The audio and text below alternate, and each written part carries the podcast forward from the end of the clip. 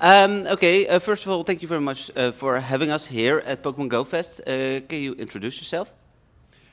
Thank you very much for joining so early. So I'm Philip Marz, uh, Regional Marketing Di Director for Niantic, um, overseeing all the product marketing for Pokemon Go across EMEA. Um, so we're here in, in London at Pokemon Go Fest. What can trainers expect today? Trainers can uh, expect a broad variety of different e extractions and experiences, both in game but also physically in the real world. In the real world, actually, there's team lounges, there's photo opportunities, there's four very special habitats like Pokemon experiential worlds that are normally not existing uh, here in Brockwell Park, but have been built up in a way that it feels naturally embedded into the um, environment.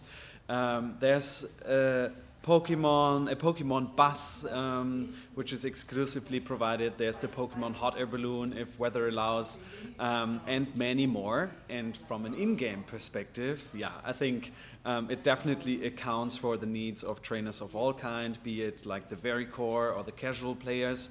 Um, we have two different special research routes. We have uh, Diancie making its very first appearance as the mystical, Pokemon in Pokemon Go.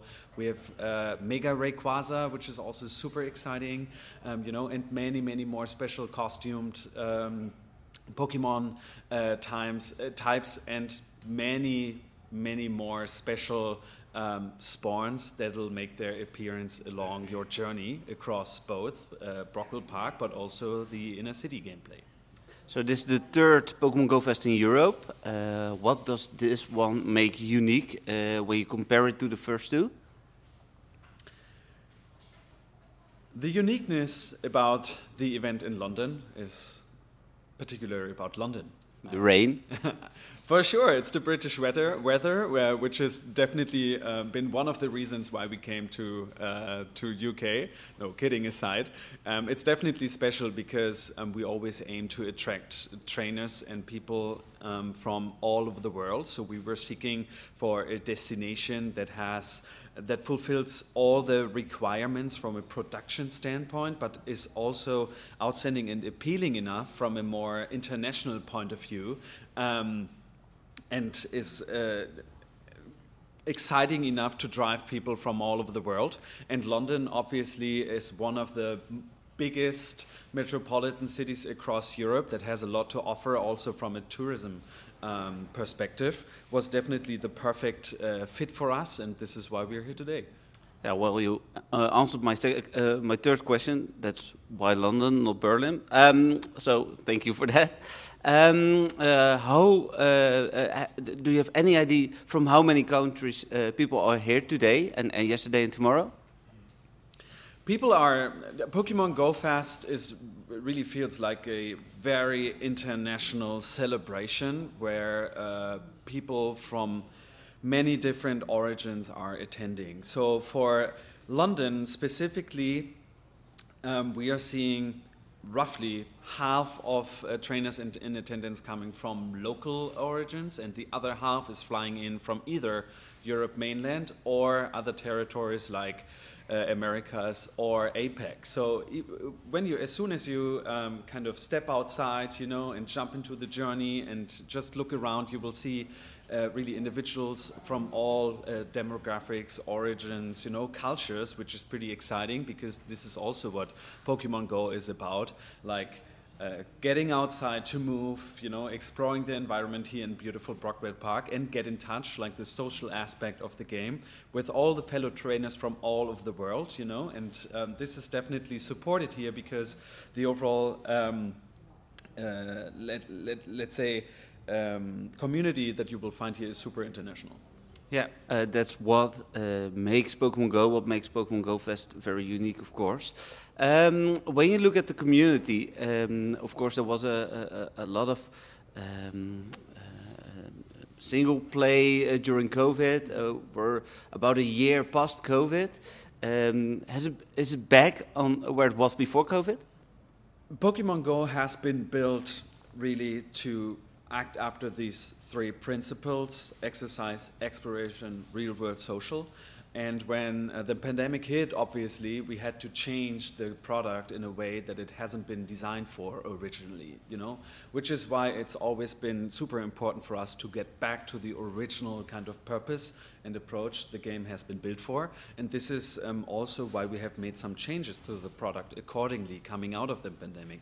And uh, we can proudly and, and also um, happily state that um, yes, absolutely. We see more and more communities gathering. There's this community ambassador program and the related initiative that we are supporting at a recurring cadence with all the community days. There's Campfire that is also supporting, you know, the gathering in the real world and also the coordination among communities. There's the community hub here at GoFest where we invite, you know, um, community ambassadors or community members from all over the world to um, organize themselves, to meet, you know, to exchange. Um, to exchange experiences and so on. And there's obviously also the um, notable trainers that we are collaborating closely with who are also kind of ambassadors on our behalf supporting us you know to keep the community together to keep them engaged to keep them excited and for us it's definitely one of the core strategies and goals that is represented in the overarching um, kind of company um, priorities um, to work with the com community and keep them happy because that's what the what the game and the product is all about. Um, uh, looking at, at, at, GoFest as a uh, in-person event, uh, that's what I love about Pokemon. Um, but it's um, the only one in the vicinity of the Netherlands uh, this year.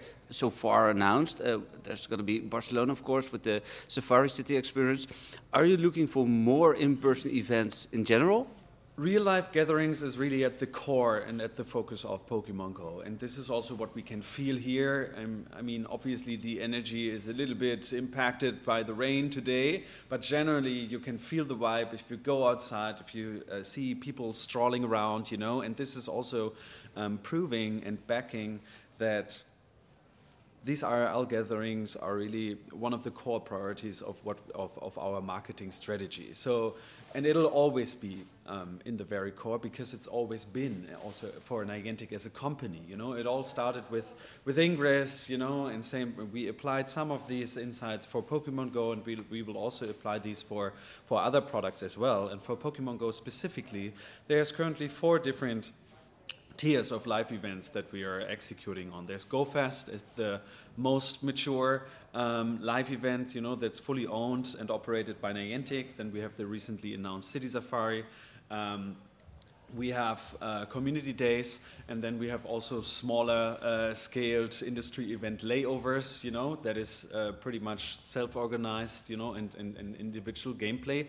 And these are the different um, event tiers that we are supporting to date. And we are always aiming, like from a destination or location um, perspective, of where we are hosting the upcoming event. We know that there's a huge desire from communities all over Europe to um, host and have these kind of events in their countries. But there's a lot of consideration, obviously, going into that. And we are always aiming to bring these events at scale as closely as possible to locations where the biggest amounts of active players are, obviously. And there's, let's say, very select core markets um, that host and contain the, the biggest amounts of players, which is also why you know you can follow that track a little bit. It's Germany, it's UK, it's going to be Spain, you know, and they might uh, follow others. But this is also, you know, one of the obvious reasons, to be honest, why we make that uh, selections that way around, because we always need to have a certain baseline um, of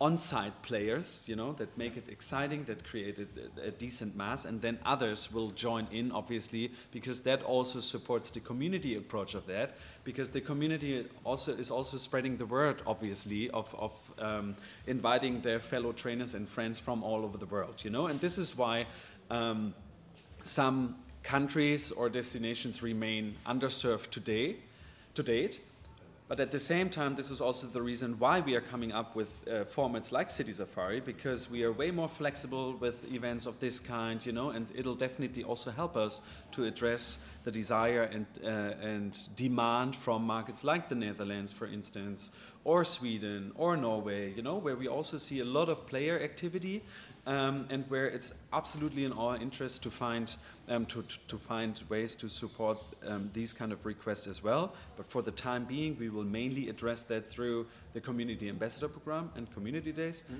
and or um, city safaris that might come up in the in the near future. So stay tuned for that.